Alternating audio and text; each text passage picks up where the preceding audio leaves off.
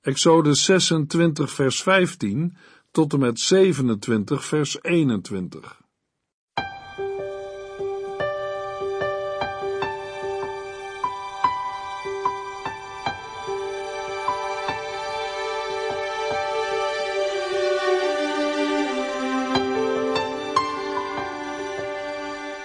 Hartelijk welkom bij De Bijbel Door, een programma van Transworld Radio.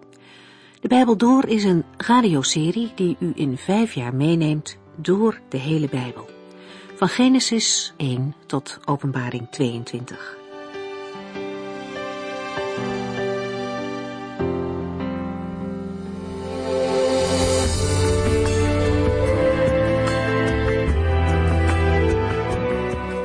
We gaan vandaag verder met de Bijbelstudie over de tabernakel. Te beginnen bij Exodus 26, vers 15. De vorige keer hebben we nagedacht over de plaats in de tabernakel die het heilige wordt genoemd. Het is de plaats van aanbidding. In dit heilige stonden drie voorwerpen. De gouden kandelaar, de tafel met toonbroden en het reukofferaltaar. Deze voorwerpen wijzen ook al vooruit naar de Heer Jezus, naar de Heer Jezus Christus. Het reukofferaltaar houdt verband met gebed. Bij de kandelaar kunnen we denken aan Christus als het licht van de wereld en bij de toonbroden aan Christus als het brood van het leven. Gelovigen hebben het brood van het leven nodig om zich mee te voeden.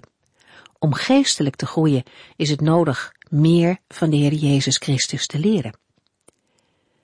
De gouden kandelaar had zeven olielampen die het heilige deel van de tabernakel verlichten. Verderop in de Bijbel, in Zacharia en in Openbaring, worden Israël en de gemeente vergeleken met een kandelaar. De olie die de lampen brandend houdt, kan gezien worden als een beeld van de Heilige Geest. Na deze voorwerpen begint de beschrijving van de tabernakel zelf. Over de tabernakel hingen vier dekkleden. Het mooiste tentdoek kwam eerst. En het vierde tentdoek lag over alles heen en ving het vuil en vocht van buiten op. Om de schoonheid van de tabernakel te kunnen zien, moest je naar binnen. En zo is het ook met de Heer Jezus. Mensen ontdekken zijn onvoorstelbare liefde en goedheid niet als ze buiten blijven staan. Maar wie zijn hart voor de Heer Jezus opent, gaat zijn liefde en zijn schoonheid zien.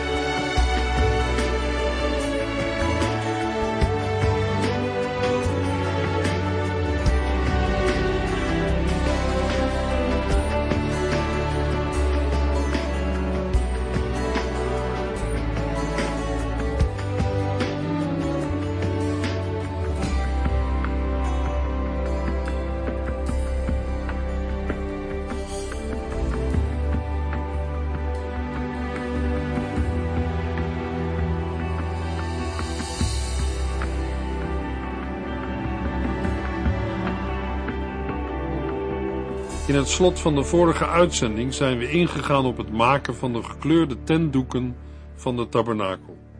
We hebben gelezen en gezien dat er in totaal vier kleden gemaakt moesten worden.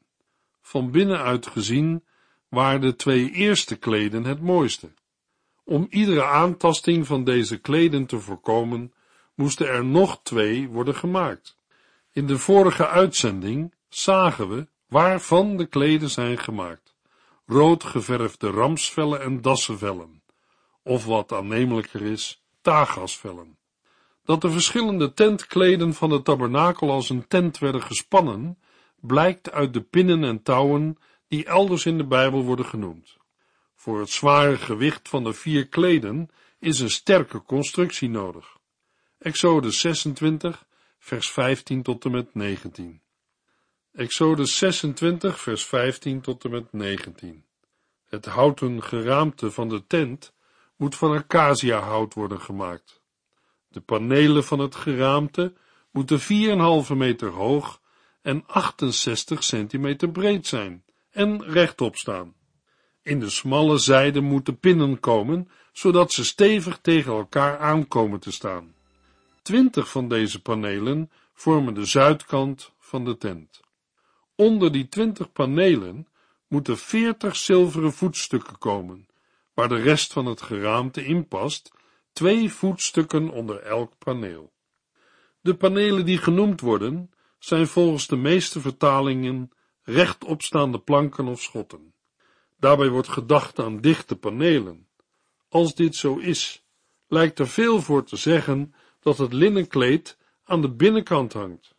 Hoewel acaciahout stevig is, trekken 10 L lange planken van anderhalve L breed, ongeveer 4,5 tot 5 meter lang en 75 centimeter breed, gauw krom. Wanneer ze ook nog eens behoorlijk dik zijn, is vervoeren erg moeilijk. Bij een flinke dikte wegen die planken per stuk toch al gauw honderden kilo's. Het is ook mogelijk dat de panelen houten frames zijn, bestaande uit twee rechtopstaande stijlen met dwarsverbindingen, zoals bij een ladder het geval is. Zulke frames hebben als voordeel ten opzichte van dichte planken dat ze veel lichter zijn en minder makkelijk omvallen. Allerlei Egyptische voorbeelden van demonteerbare ruimten maken aannemelijk dat losstaande stijlen of open frames bedoeld zijn, en geen massieve planken. In vers 17 worden tappen of pinnen genoemd. Vermoedelijk zijn dit de twee puntige uitlopers onder elk frame. Ze werden dwars door de zilveren voetstukken heen in de grond gestoken. De voetstukken zijn dan vierkante platen van zilver geweest, met een groot gat om de punten van de planken door te laten.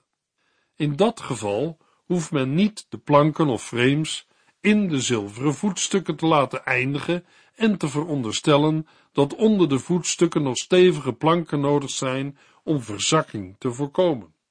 Alles in de tabernakel spreekt van de persoon of het werk van Christus.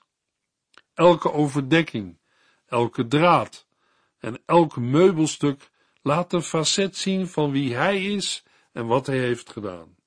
Zoals dwarsbalken de tabernakel bijeenhouden, zo houdt vandaag de Heilige Geest gelovigen bijeen. Gelovigen worden opgeroepen, doe uw uiterste best de eenheid te bewaren die de Heilige Geest onder u tot stand heeft gebracht. Efeziërs 4 vers 3 De tentkleden die de tabernakel overdekten, hadden elk een andere kleur en een eigen betekenis. Er was blauw, de kleur van de hemel. Er was rood, dat spreekt van het bloed van Christus. Er was een mengsel van blauw en rood, wat de kleur purper opleverde. Purper spreekt van het koningschap van Christus. Het purper spreekt ook van Jezus als de koning der Joden. Het blauw en rood spreken van de hemel die de aarde raakt, de menswording van Christus. Hij verliet de hemelse heerlijkheid en werd op aarde geboren in een stal. De panelen, dwarsbalken en ringen waren overtrokken met goud. Dat wijst naar de goddelijkheid van de Heer Jezus Christus. We gaan verder met de beschrijving van de tabernakel. De versen 18 tot en met 21 geven aan dat er twintig frames voor elk van de lange zijden, de zuid- en noordzijden, gemaakt moeten worden. Wij zijn gewend om ons op het noorden te oriënteren, de oosterling op het oosten. Het oosten is voor, het westen achter. Het oosten is voor, het westen achter, het zuiden rechts en het noorden links. De tabernakel moet met de voorkant naar het oosten liggen, waar de zon opgaat. Onder elk frame moeten twee sokkels of voetstukken komen, zodat er in totaal 2 keer 2 maal 20 is 80 sokkels zijn. Aan de achterkant komen zes frames, vers 22. Als de frames naast elkaar staan, krijgen we voor de beide lange zijden een lengte van 30 L en voor de achterkant 9 L. De breedte van de achterkant wordt niet opgegeven, maar bij de 9 L komen nog twee hoekframes. Aangezien de hoogte van het heilige der heiligen en de lengte van de zijwanden 10 L bedragen, ligt het voor de hand dat de achterwand 10 L is en dat daarmee het allerheiligste, in ieder geval de binnenkant ervan, de vorm van een kubus heeft. Twee planken of frames komen op de hoeken te staan. Vermoedelijk was er zowel aan de bovenkant als aan de onderkant een bevestiging, waardoor het onderling verband van de frames ontstond. Deze methode werd in Egypte gebruikt om de hoeken van houten constructies te versterken. De ring is dan bedoeld om de frames bijeen te houden. De achterkant van de tabernakel krijgt acht frames met zestien zilveren voetstukken. Vers 25. Bij de 9 L komt waarschijnlijk een halve L van elke hoekplank, zodat de achterkant dan in totaal 10 L wordt. Het is ook mogelijk dat deze hoekplanken door een bepaalde manier van plaatsing niet bij de lange zijde behoren, zodat de lange zijde een lengte van 30 L houdt. De versen 26 tot en met 29 gaan over 15 dwarsbalken, of sluitbomen, richels, vijf aan elk van de drie zijden, terwijl de middelste, dat wil hier zeggen de dwarsbalk, die precies even ver van boven als van beneden zit, moet doorlopen van het ene naar het andere einde. De andere dwarsbalken lopen dus niet door. Ringen van goud moeten als houders voor de dwarsbalken dienen. Is dit alles uitgevoerd en gemaakt, dan kan Mozes de tabernakel opzetten, overeenkomstig het voorbeeld dat hen op de berg is geopenbaard. Exodus 25, vers 31 en 32. Maak een gordijn van blauwpurper, roodpurper, scharlaken en getwijnd fijn linnen en weef er engelenfiguren in. Hang het gordijn aan vier pilaren van acaciahout, overtrokken met goud en met vier gouden haken eraan. De pilaren moeten op zilveren voetstukken staan. In dit gedeelte komen twee verticale afscheidingen ter sprake. Eerst het voorhangsel om scheiding aan te brengen tussen het heilige en het heilige der heiligen, en vervolgens het gordijn dat aan de open oostkant hangt, de ingang van de tabernakel. Het voorhangsel moet van dezelfde kostbare stoffen gemaakt worden als het binnenste linnen tentkleed. Ook worden er dezelfde gerubs, engelenfiguren ingeweven. Het voorhangsel moet worden opgehangen aan vier met goud overtrokken pilaren. Deze pilaren staan op zilveren voetstukken en zijn voorzien van gouden haken. Elke pilaar krijgt één voetstuk, terwijl de frames of panelen er twee kregen. In tenten van Bedouinen staat vaak een stutpaal in het midden. Mogelijk konden de vier pilaren van het voorhangsel ook dienen voor dit doel. De lengte van de pilaren wordt niet gegeven, maar vermoedelijk is die dezelfde als van de opstaande frames, namelijk 10 L. Vers 33 geeft aan dat het voorhangsel komt te hangen aan de haken. Vervolgens moet de ark van het verbond in het heilige der heiligen geplaatst worden. Vers 35 geeft aanwijzingen voor de plaatsing van de tafel met de toonbroden aan de noordkant en de plaatsing van de gouden kandelaar of de lampenstandaard er tegenover. Dat is dan aan de zuidkant. Het gouden reukofferaltaar is tot nu toe niet genoemd en komt pas ter sprake in Exodus 30. Handschriften die bij Qumran zijn gevonden, verplaatsen de beschrijving van het gouden reukofferaltaar van Exodus 30 naar Exodus 26, vers 35 en 36. De meeste Nederlandse vertalingen doen dat ook. Het voorhangsel tussen het heilige en het heilige der heiligen werd aan vier pilaren opgehangen en spreekt van de menswording van Jezus Christus. De met goud overtrokken pilaren spreken van zijn godheid. De Heere komt zelf om de in zonde gevallen aarde te verlossen. Het voorhangsel was gemaakt van getwijnd fijn linnen en vormde de enige toegang tot het heilige der heiligen. Toen Christus aan het kruis stierf, scheurde op het moment van zijn dood het voorhangsel in de tempel. Door hem was de weg naar de Heer God weer open. Vandaag is de Heer Jezus Christus de enige die een mens bij de Heer God kan brengen. Er is maar één toegang tot het heilige der heiligen en maar één toegang tot God. In Johannes 14 vers 6 zegt Jezus, ik ben de weg, de waarheid en het leven. Ik ben de enige weg tot de Vader. Met alle respect voor uw mening of opvatting, hier staat niet dat een mens bij God kan komen als hij of zij eerlijk en oprecht leeft. Er staat ook niet dat een mens bij God kan komen als hij of zij lid is van een kerk. Er staat, en het zijn woorden van de Heer Jezus zelf, als je bij de Heere God in de hemel wilt komen, dan is Jezus daartoe de enige weg. Ik ben de enige weg tot de Vader. Dat lijkt mij duidelijk. Daar is geen woord Frans bij. Exodus 26, vers 36 en 37. Ook voor de ingang van de tent moet een gordijn worden gemaakt van blauwpurper, roodpurper, scharlaken en getwijnd fijn linnen. Hang dit gordijn aan vijf pilaren van acaciahout, overtrokken met goud, waaraan gouden haken zijn bevestigd. De pilaren moeten op koperen voetstukken staan. Alles overziende valt bij de beschrijving van de tabernakel de strakke orde op. Alle maten worden heel precies gegeven. Gods woning moet uiterst nauwkeurig gebouwd worden. De Heere wil niet op onze manier, maar op zijn manier worden gediend. Hoe dichter bij de ark van het verbond en het verzoendeksel, des te kostbaarder zijn de gebruikte materialen. Het voorhangsel komt diverse malen ter sprake in het Nieuwe Testament. We zagen al eerder dat bij het sterven van Christus het voorhangsel in de tempel scheurt. Het Bijbelboek Hebreeën werkt dit uit met betrekking tot de verzoening die door Christus is bewerkt. In Hebreeën 6, 9 en Hebreeën 10 vers 20. Daar staat, omdat hij zich voor ons heeft opgeofferd, is er voor ons een nieuwe weg naar het leven gekomen.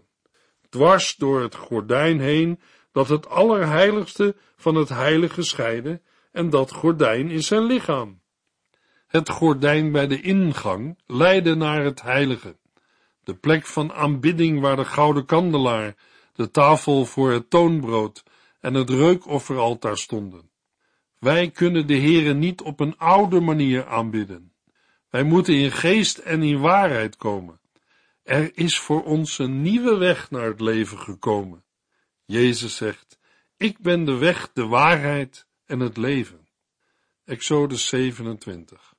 Na de woning van de Heere komt de voorhof aan de orde. In de voorhof staat een altaar. Net als in Exodus 25 komen eerst de voorwerpen in de voorhof ter sprake en pas daarna de omringende ruimte, de voorhof zelf.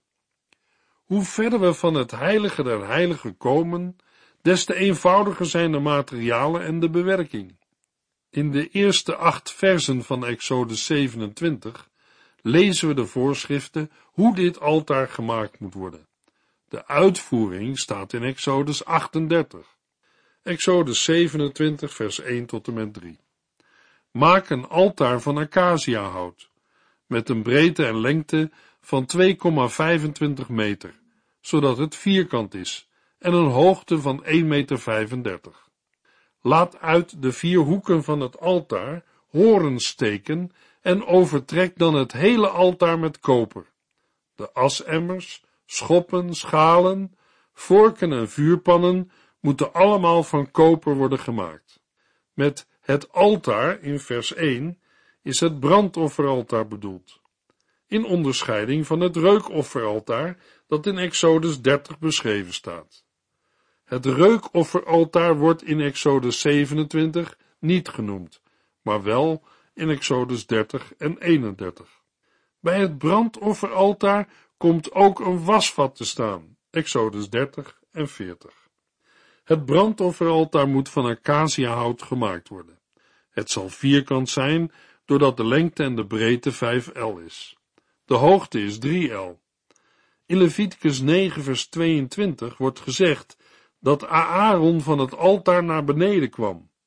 In verband met de hoogte zal er dan ook een opgang gemaakt zijn, maar daarover wordt hier niets vermeld. Op alle vier de hoeken van het altaar komen hoornen. De uitdrukking en overtrek dan ziet op het overtrekken van het hele altaar met koper. De hoornen symboliseren de verzoenende kracht van het altaar en het gebrachte offer. Voordat het offerbloed aan de voet van het altaar werd uitgegoten, streek men bloed aan de hoornen van het altaar. Exodus 29 en Leviticus 4. Vanaf het brandofferaltaar wordt de verzoenende kracht overgedragen naar het reukofferaltaar. Leviticus 4. In vers 3 staan allerlei gebruiksvoorwerpen om het altaar van vuur te voorzien en de as op te ruimen. Er moet ook een rooster gemaakt worden dat halverwege onder de rand van het altaar bevestigd wordt. Aan het rooster komen ringen. De symboliek van de voorwerpen in de voorhof is rijk. Alles is van koper of overtrokken met koper. Het koperen brandofferaltaar was de plaats van het offer.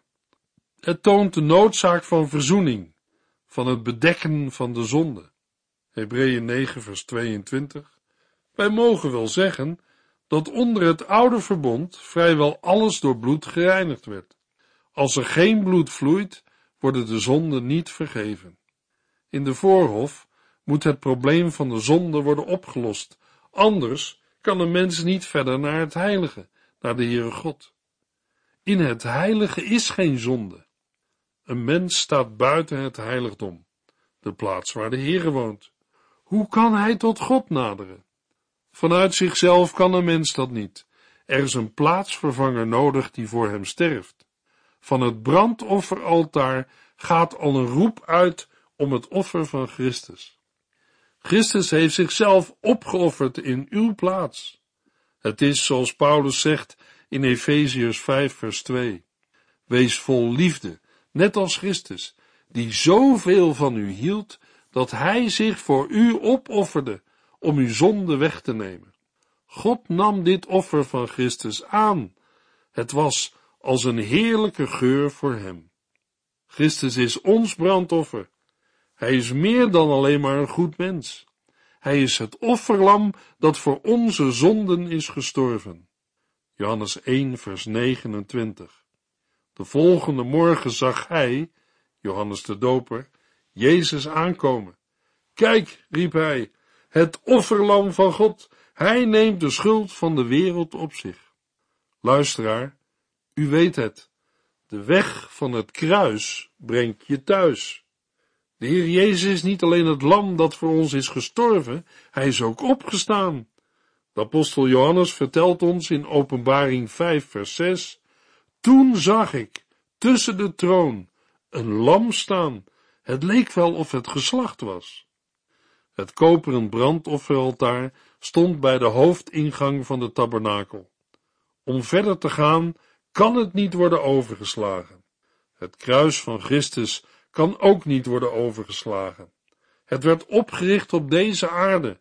Zonder dat kruis, zonder Christus, is er geen toegang tot de hemel.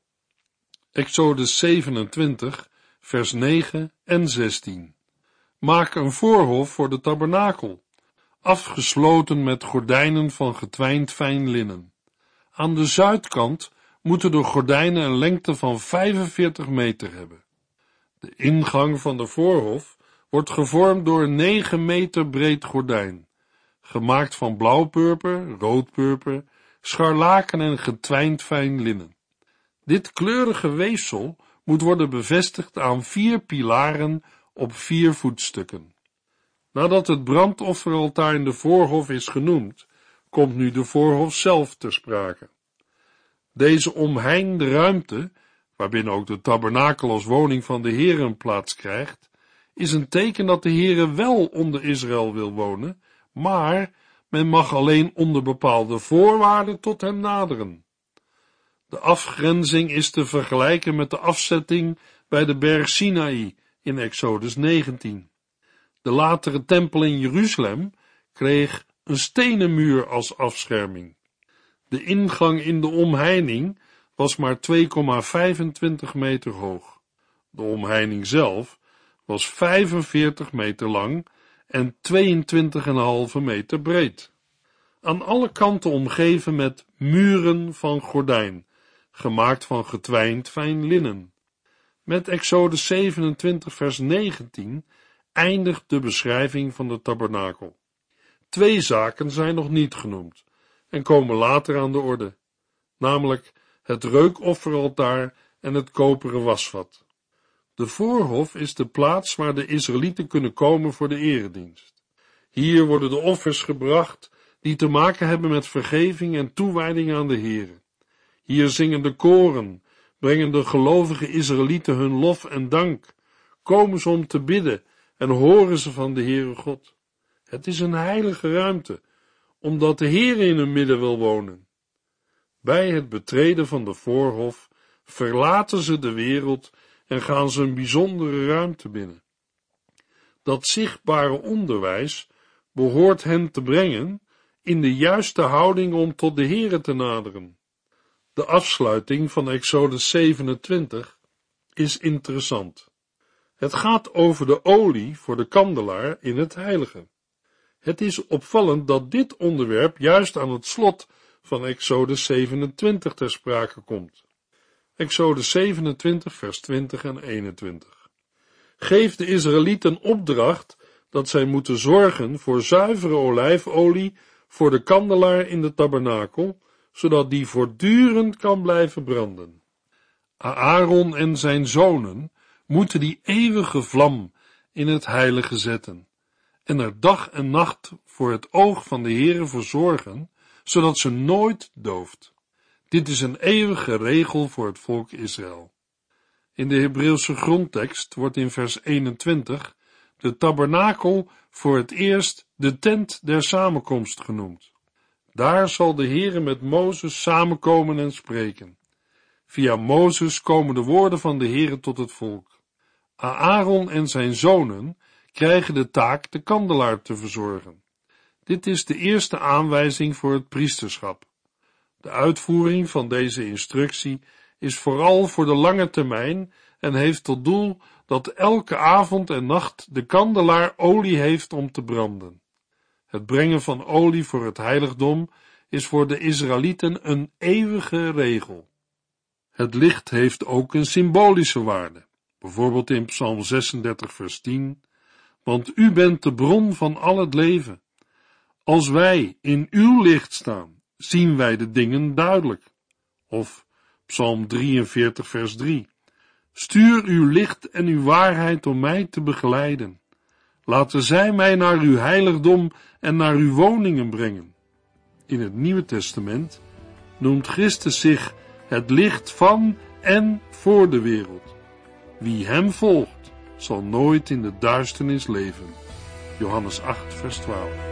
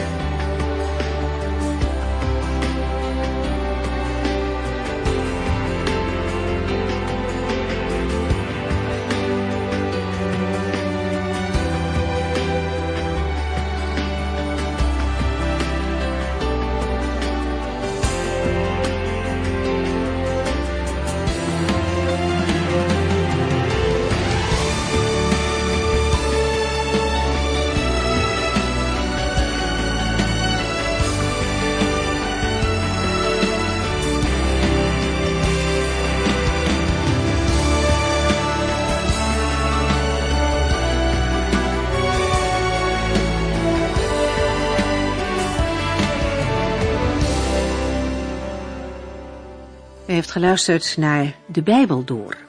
In het Nederlands vertaald en bewerkt door Transworld Radio. Een programma waarin we in vijf jaar tijd de hele Bijbel doorgaan. Als u wilt reageren op deze uitzending of u heeft vragen, dan kunt u contact met ons opnemen. Tijdens kantooruren kunt u bellen op 0342 47 8432. 0342 47 8432. 32. Ook kunt u een e-mail sturen naar de Bijbel transworldradio.nl en natuurlijk kunt u ook via de post ons bereiken. TWR, postbus 371, postcode 3770, AJ in Barneveld. Dit programma werd gepresenteerd door Cor Weda en Ike André. Techniek was in handen van Odin van Woerdekom. En wij allemaal bedanken u voor het luisteren. Graag tot de volgende keer.